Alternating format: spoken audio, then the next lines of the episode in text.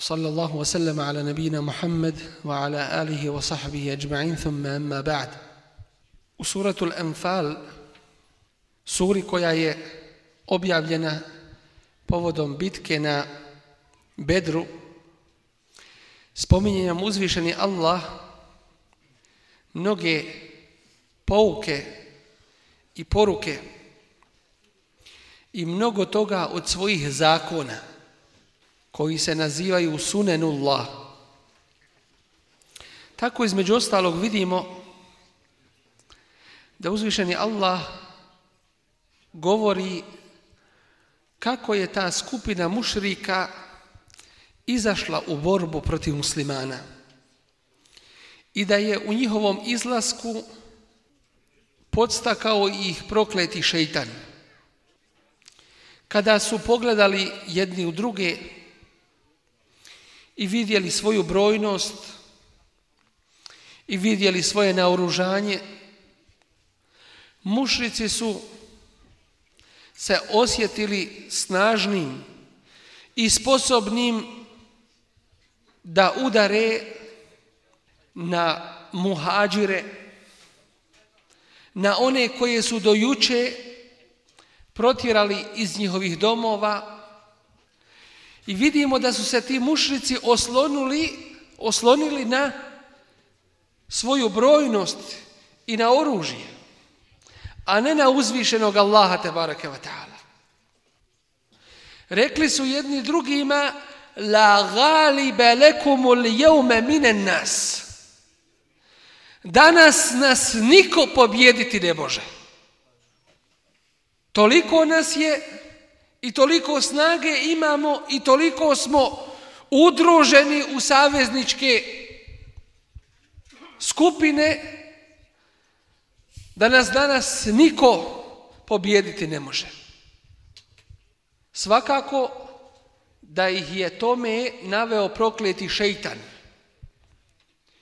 I nemojmo misliti da onaj ko se okrenuo od Allaha tebareke ve ta'ala, da će taj mimo svoga stvoritelja naći prijatelja, da će mimo svoga stvoritelja naći zaštitnika i pomagača, nikada. To može biti samo prividno. Misle da će im šeitan pomoći, koji ih je i naveo na borbu protiv muslimana, oslonili se na svoju snagu i vidimo na kraju šta im se desilo. I to je zaista jedna lekcija, jedan veliki ders za sve događaje u budućnosti. Onima koji se oslanjaju na svoju snagu, onima koji se osna, oslanjaju na ljudstvo, a zaboravljaju Allaha tebareke wa ta'ala. Jer onaj ko zatraži zaštitu od nejakog, a svi su nejaki mimo Allaha, taj neka zna da zaštite ne ima. Onaj ko zatraži od šeitana uputu, taj šeitan će ga odvesti na krivi put. Fe ennehu men men yudilluhu wa yahdihi ila azabi sa'ir. Kutiba alayhi annahu men tawallahu. Jer onaj ko se okrene šejtanu, to jeste ko se okrene svemu drugome mimo uzvišenog Allaha. فَأَنَّهُ يُضِلُّهُ I Zatraži da ga taj vodi, taj će ga odvesti na krivi put. Jer kazna dolazi iz iste vrste dijela koji je učinio. Pa su bili žestoko poniženi i osramoćeni uz gubitke koje su imali. Isto tako, iz ovoga kazivanja ćemo vidjeti kako su mu'mini pred drugima neuporedivo jači svojim imanom.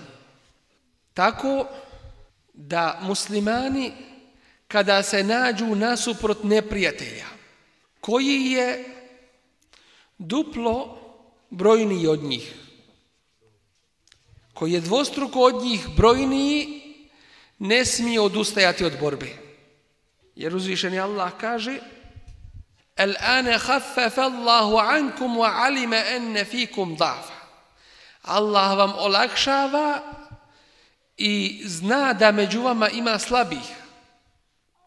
In jekum minkum mi'etun sabiratun jaglibu mi'etein. Ako vas ima stotina strpljivih, pobjedit ćete dvije stotine. Wa in jekum minkum elfun jaglibu elfejni, bi idnillah. Ako vas ima dvije hiljade, ako vas ima hiljadu, pobjedit ćete dvije hiljade. Dakle, ako je brojnost neprijatelja, i to je šarijatski hukum, šarijatski propis, ako je u dotičnoj bitci brojnost neprijatelja dvostruko veća, muslimani ne smiju odustati od borbe. Dakle, to je mjera koju mogu i moraju izdržati. Jedan na dvojicu. A u početku islama je bilo in jekum minkum išrune sabirune jaglibu mi. Ako vas je dvadesetorica strpljivih, pobjedit ćete dvije stotine. Znači jedan na deset. Nije ono što su govorili iz partizanskih filmova. Nije to su uzeli od nas. To su uzeli od nas. Kur'an to spominje. A Kur'an je prije njih. Ako vas je dvadeset, pobjedit ćete dvije stotine. Znači, u početku Islama, ako je neprijatelj bio desetorostruko jači, muslimani nisu smjeli odustajati od borbe. Wa in yakum minkum mi'atun sabiratun yaghlibu alfan min alladhina kafaru. A ako vas je stotina, pobjedit ćete hiljadu kafira. Pa im onda uzvišeni Allah daje olakšicu. A ta olakšica se ogleda u tome što nema odustajanja od borbe kada je neprijatelj dvostruko brojniji. U početku nisu smjeli odustajati ako je neprijatelj desetorostruko brojniji. Ali im je kasnije došla olakšica. Vidimo isto tako iz pouka bitke na Bedru kako su muslimani postupili sa ranjenicima. Pošto Allahu poslanik ali selam nije imao u pogledu ranjenika objave.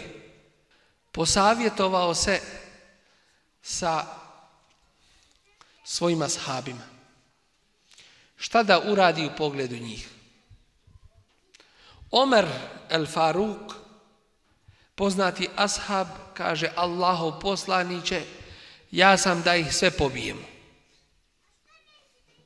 Oni su Allahovi neprijatelji. Oni su te protjerali iz Mekke. Oni odvraćaju od Allahovog puta. Oni su došli da unište islam i muslimane. Drugi od ashaba, među kojima je bio i Ebu Bekr, radijallahu anhu, kažu Božji poslaniće. Možda Allah uputi nekoga od njih. Među njima ima rodbine naše. Može Allah dati da neko od njih prihvati istinu. I tako su ashabi dali prijedlog da svaki od zarobljenika ili bude otkupljen ili opismeni nekolicinu muslimana. A onda dolazi Allahov sud. Da je uzvišeni Allah htio, odmah bi, odmah bi na početku objavio sud o zarobljenicima tim.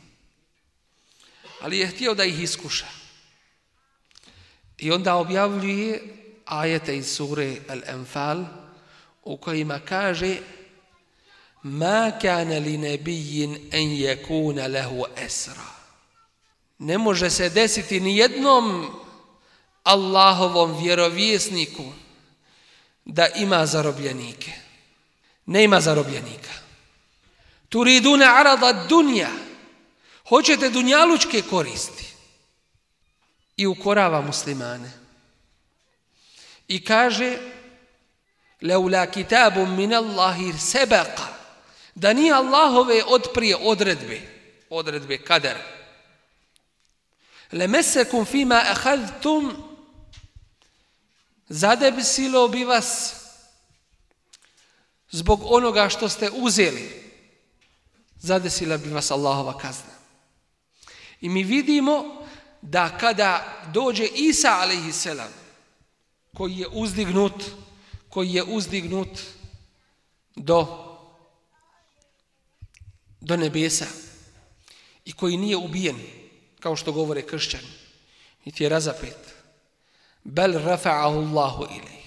Već ga je Allah sebi uzdigao. Kada dođe na zemlju ponovo, vidimo da neće primati džiziju. To jeste, neće primati od nemuslimana bilo kakav otkup ili dađbine. Ili islam ili borba. Takav će biti Isa ibn Marijem. Isa sin Marijemin. Dakle, iz ovoga vidimo da je to bila pouka ashabima u pogledu tih zarobljenika. Kasnije Allah dozvolio da se mogu uzeti zarobljenici. Ali iz ovoga vidimo da je Omerov radijallahu anhu stav bio najispravniji. Da bi se time dala lekcija tim mušricima koji su toliko zla učinili prvo islamu, a onda muslimanima. Iako je to nekima teška presuda, ali u pogledu Allahove vjere ne smije biti sažaljenja prema onima koji su se digli da se protiv nje bore i da je unište. Od pouka bitke na Bedru jeste i to da uzvišeni Allah nam spominje mnoge svoje zakone među ljudima, a od toga je i onaj koji spominje na kraju sure El-Enfal, u kome kaže wa in istansarukum fi ad-din fa alaykum an-nasr a ako vas muslimani vaša braća u vjeri ako vam zatraže pomoć u vjeri ako budu napadnuti zbog svoje vjere fa alaykum an-nasr onda ste dužni da ih pomognete. A zatim spominje svoj zakon koji se odnosi na prijateljevanje mu'mina sa mu'minima. Illa tef'aluhu tekun fitnetun fil ardi wa fesadun kebir. A ako ne budete vi vjernici jedni sa drugima prijateljevali, kao što vidite nevjernike da jedni sa drugima prijateljuju, kada jedan od njih pozove u savezništvo, svi do jednog natječu se ko će im se odazvati. Ako vaše pitanje, vi muslimani, ne bude takvo, kao što oni međusobno, međusobno i među sobom prijateljuju i podpomažu se, ako vi muslimani ne budete se međusobno podpomagali, onda će biti fitnetum fil ard. Biće velika smutnja na zemlji. A smutnja to znači širenje nevjerovanja. Širenje kufra, batila, neistine. Jer će kufr i kafiri naći onoga ko će ih podpomoći. A šta će biti sa muslimanima ako ne nađu onoga ko će ih podpomoći? Šta će biti s muslimanima ne samo ako se budu kafiri međusobno podpomagali, a muslimani međusobno ne budu, već ako se kafiri budu međusobno potpomagali, a i muslimani se budu natjecali da ih pomognu protiv muslimana. Šta onda očekivati? Ta situacija je i nezamisliva. Šta onda očekivati? Tekun fitneton fil ard. Onda će se proširiti kufr i nevjerovanje na zemlji. Wa fesadun kebir. I veliki fesad, to jeste nered nemoral, zinaluk, kamate, iskorištavanje cjelokupnih naroda, trgovaće se ljudskom krvlju i čašću, svim i svačim, nikakvih propisa. Zašto? Jer istina onakva kakva jeste, istina neće doći sama da se bori za sebe. Ona traži svoje sljedbenike i svoje pobornike. Pa ako ih ne nađe među ljudima ili ako ih bude malo i nedovoljno, ako mnogi među muslimanima odu pomagati drugome taboru protiv svoje braće muslimana, šta će onda da bude? Sigurno da će biti veliki nered. Nered i u vjeri, nered i u ahlaku, nered u moralu i svemu ostalom onda. Vahar al fasadu fil berri wal bahri bima kesebet ejdin nas. I zato nered se proširio i na kopnu i na moru. Zbog čega bi bima kesebet ejdin nas? Zbog onoga što su ljudske ruke zaradile. Samo neće. I zato ovo je jedan od principa naše vjere i našeg vjerovanja. Jedan od principa naređivanja dobra i odvraćanja od zla. Jer ako ne bude ummet naređivao dobro i odvraćao od zla, stajao uz dobro i potpomagao ga i odvraćao od zla i spriječavao ga, šta će onda biti? Onda uzvišeni daje da najgori među ljudima zavladaju. Pa Resulullah s.a.v. kaže, pa će vaši najbolji dove činiti, fe jedu hijarukum, fe la juste. Ali im neće dova Kabul biti. Neće im dova biti primljena. Zašto? Zato što Allah uzvišeni ima svoje zakone i postavio je uzroke svega i neće promijeniti situaciju jednog naroda dok se sam taj narod ne izmijeni. Dok se narod ne izmijeni s tog lošeg stanja na bolje, Allah mu neće promijeniti situaciju.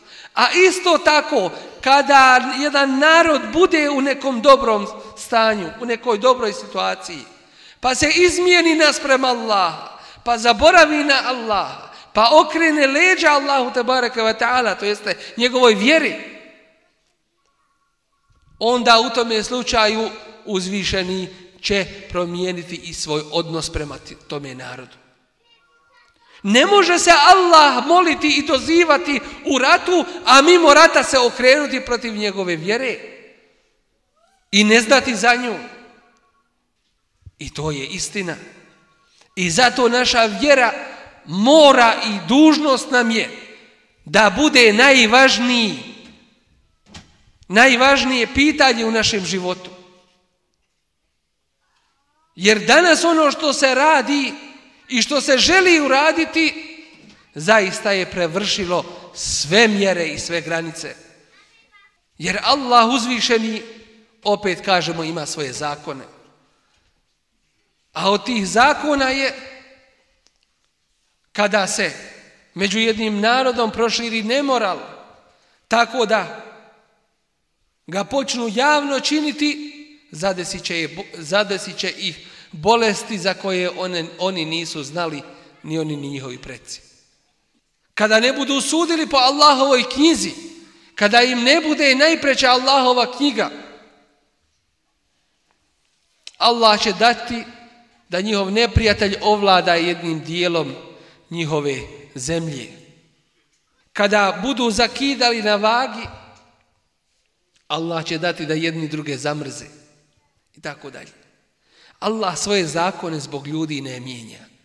I danas, ono od zakona, ono od zakona što se u zemljama muslimana želi instalisati, želi uspostaviti, je prevršilo svaku mjeru. A vrlo je malo onih koji dižu svoj glas.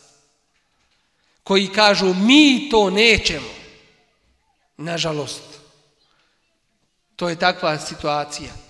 Ali vidimo sa Allahovom tabaraka wa ta'ala pomoći da u zadnjem vremenu ima skupina mu'mina koji se ne boje reći riječi istine bez obzira na kritike i bez obzira na one koji se boje ljudskog ukora. I zato dužnost nam je i obaveza da gdje god vidimo hak i istinu da je podržimo. Jer tim podržavamo sebe. Tim opravdavamo se pred uzvišenim Allahom te bareke wa ta'ala. A gdje god vidimo neistinu i nevaljalštine da ju se suprostavimo kako smo u mogućnosti. Jer tim štitimo sebe i tim se opravdavamo pred uzvišenim Allahom te bareke wa ta'ala.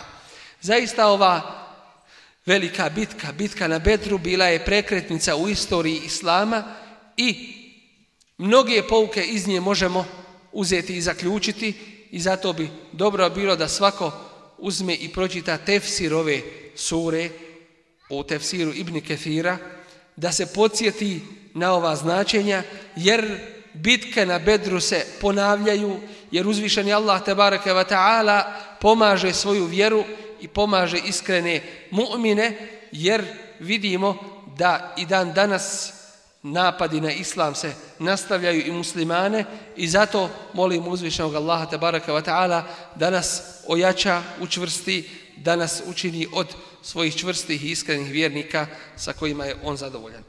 I zaista je to jedno čudo. Asa en tekrahu šejem, vohu wa lekum. Desi se da vi nešto ne volite, a to je dobro za vas. I zato u kaderu, u Allahovoj odredbi, u onome što ti je uzvišeni Allah Đelešanu dosudio, nema zla za tebe. Zla, zlo može doći samo od tvojih ruku.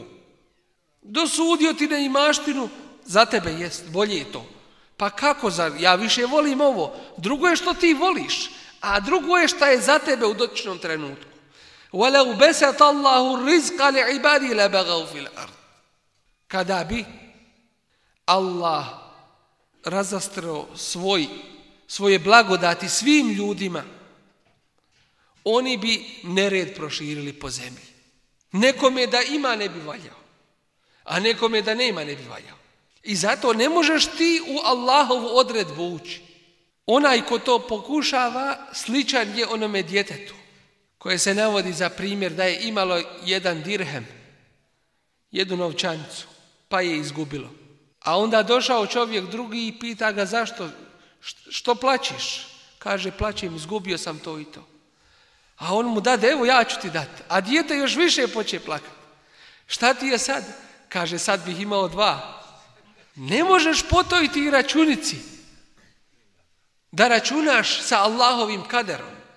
Ono što ti je Allah dosudio, to je hajir za tebe uskratio ti elhamdulillah. Ili je iskušenje ili će ti povećati pa ćeš bolje iz njega izaći ako budeš kako treba. Ili će ti povećati tvoj stepen dobit ćeš nagradu za to. Ili će te očistiti od griha ili će ti time zamijeniti neko veće zlo. U svakom slučaju šta god ti od Allaha dođe to je hajr. Ali ono što ti sobom zaradiš pogriješio si, svjestan, namjerno, posljedica toga je od tvojih ruku. Febima kesebet ejdiku. Dalje vidimo ovi ashabi kada se zatekli u toj teškoj situaciji. Allahu te barake wa ta'ala se prepuštaju. Oslanjaju se na njega. Mole ga za pomoć. I pogledajmo. Kur'anski ajet kaže وَلَا تَحْسَبَنَّ اللَّهَ غَافِلًا I ni pošto nemoj pomisliti da je Allah nemaran. Da je Allah izdvojen od svijeta, da on ne prati šta se radi. Bože sačuvaj. Kako to nemoj pomisliti?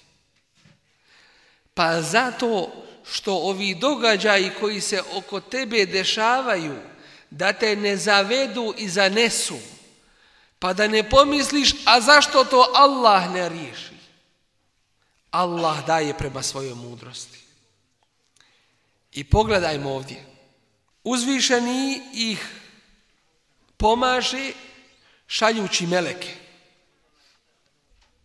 Jedna skupina njih, nešta malo više od tri stotine, nasuprot punobrojnijoj i bolje opremljenijoj vojsci nasuprot svih ratnih tadašnjih tehnika, priprema, protjerali, tako rekuć, juče iz svojih domova, muhađiri, većinom fukara ne imaju sredstava, ali Allah tabaraka wa ta'ala ih je učinio bogatim imanom. I pogledaj, kad nešto Allah tabaraka wa ta'ala hoće, on da on tome podredi uzrok. Pa kaže u kuranskom ajetu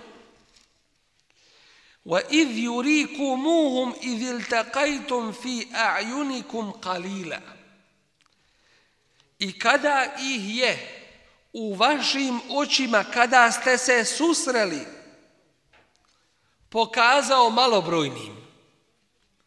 On je njih u očima mu'mina uzvišeni Allah je pokazao malobrojnim. Iako su bili brojniji i bolje opremljeni i tako dalje. Da se mu'mini ne bi pokolebali. Da mu'mini ne bi posustali. Da se ne bi prepali. وَيُقَلِّلُكُمْ فِي أَعْيُنِهِمْ A vas u njihovim očima, šta mislite? Nije uvećao. Umanjio još više. Kako? Koja je toga mudrost? Mudrost toga je da ih navuče. Da padnu u klopku, da padnu u zamku. Gdje nisu ni svjesni. Iako su muslimani bili malobrojniji i neopremljeni. I nespremni možete reći, jer nisu izašli za borbu. Doći mušnici jesu. I htjeli su borbu. A muslimani priželjkivali su da ne bude borbe i nisu se za borbu pripremili u potpunosti. Čak nisu svi ni izašli. Tri stotine samo koji su bili tu prisutni. A vas je u njihovim očima umanjio. Što? Zašto mu'mine da umanji u očima nevjernika? Da bi oni nadošli tu. Jer kafir se boji više nego što se vi bojite. Po prirodi čovjeka da strah postoji, to se zna. Ali, pored vaše malobrojnosti, Allah vas je u njihovim moćima još više umanjio. Da ne bi se pokolebali pa odustali od borbe. Da bi došli tu gdje im je suđeno i određeno da ostave svoja tjelesa i svoje leševe. Zašto to, kaže uzvišeni, li yakdi Allahu emren kale mef'ula. Da Allah dadne da se desi ono što je već odredio. I vidjeli smo da uzvišeni Allah podčinjava uzroke mu'minima. Neposredno pred bitku muslimani su bili žedni. Htjeli su neki imali potrebu šarijatsku da se okupaju. Uzvišeni Allah dadne da padne kiša. Tako da im je to pogodovalo. I sa duševne strane, što ih je to razgalilo, što im je olakšalo, što su se okupali, jer valja ginut. A kako će džunub poginut? Allah im dao da, da se mogu okupati. Zatim pijesak na koji je voda pala stvrdnuo se. Pa je bio pogodan njima za borbu. Zatim isto tako uzvišeni Allah im je dao prije borbe da ih drijemež uhvati. Mi znamo da čovjek kada je u strahu ne može zaspati. Ali im je Allah dao drijemež i taj san da bi se u potpunosti okrijepili za tu borbu koja im predstoji i da bi se osnažili. I zato ne znaš u čemu može biti hajr. I počinje bitka i učestvuju meleki i neki od mušrika spominju kako su vidjeli konjenike da silaze s neba, da se spuštaju i tako dalje. A onda nam uzvišeni Allah opisuje opisuje kako su se prije te bitke mušici spremali. Pa im odgovara i kaže in te steftihu fekad džaekum al fetah. Ako ste tražili pobjedu, eto vam pobjede. Spominje se da je Ebu Džehel uhvatio se za zastore Kjabe i da je rekao Bože pomozi skupinu koja je na istini. Pomozi skupinu koja je na istini. Toliko su bili u svojoj zabludi ogrezli. A mi se možemo pitati kako? Kako Ebu Džehl? Kako Ebu Džehl može to reći? Kad je on taj isti koji je bio upitan, misliš li ti da Muhammed izmišlja? Misliš li ti da on to od sebe govori, da to nije od Allaha? A onda on odgovara i kaže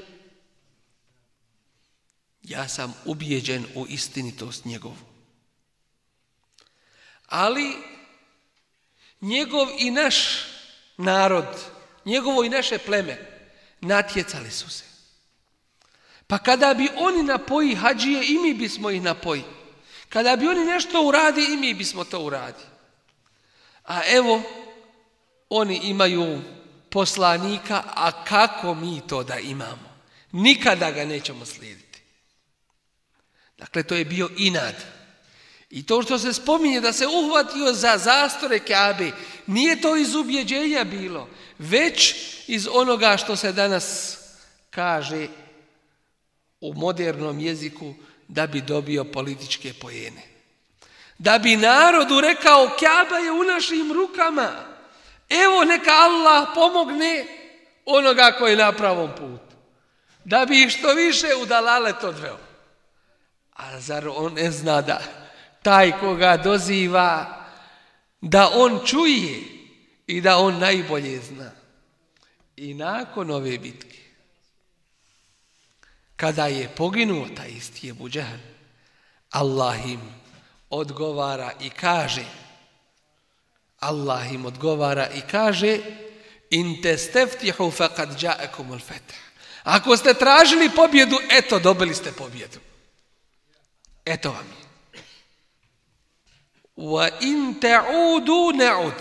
A onda im dalje kaže, wa in tantahu fa huwa khairul lakum. Ako prestanete bolje vam je. A ako se vratite, i mi ćemo se vratiti. Počnete li ponovo, i mi ćemo početi vas kažnjavati. I zaista je to jedno čudo, da su vidjeli na onim dijelovima gdje Kur'an opisuje fadribu faukal a'naki, udarajte po vratovima, wadribu kulle banal, i udarajte po prstima da su kod poginulih mužrika vidjeli na tim mjestima da je spaljeno kako su meleki učestovali u tome. A ako se vratite i mi ćemo se vratiti da vas kažnjavamo. وَلَنْ تُغْنِيَ عَنْكُمْ فِي اَتُكُمْ شَيْئًا وَلَوْ كَثُرَتْ A vaše vam skupine ništa koristit neće, makar bile mnogobrojne. Wa anna Allaha ma'al mu'minin. I znajte da je Allah uz mu'mine. Lekcija ders. Da se prisjetimo isto tako. Šta su ti mušrici prije nego što je Allah ponizio kao što će sve mušrike do kijametskog dana poniziti. Šta su rekli? Rekli su, kako spominje kuranski ajet, Wa id qalu i govorili su međusobno, to je bila njihova propaganda, kao što i danas, danas ima. I govorili su Allahumme, Bože naš. Ali Allah ne da da bude korišten. Allahu možeš služiti, a Allahom se ne možeš služiti. Ne uzubila. I kogod pokuša, bit će ponižen kako se i ne nada. Jer ovoj vjeri se služi, a ona nije sluga nikome. Ali su i to koristili za svoje političke interese. Pa su rekli pred svijetom da ih narod čuje. Jer nisu očekivali da će im Allah progovoriti iz neba i odmah odgovoriti. Ali Allah je mudar. Allah odmah ne odgovara. Nego dadne da sazrije situacija. Kad misliš da si uspio, onda nema ništa od tebe. Čeka kad je najpogodniji, kad će te zaboliti. Rekli su i kada su govorili in kana hada huwa al-haqqa min indike. Ako je ovo istina od tebe, in, oni kažu, ako je, sumnjaju,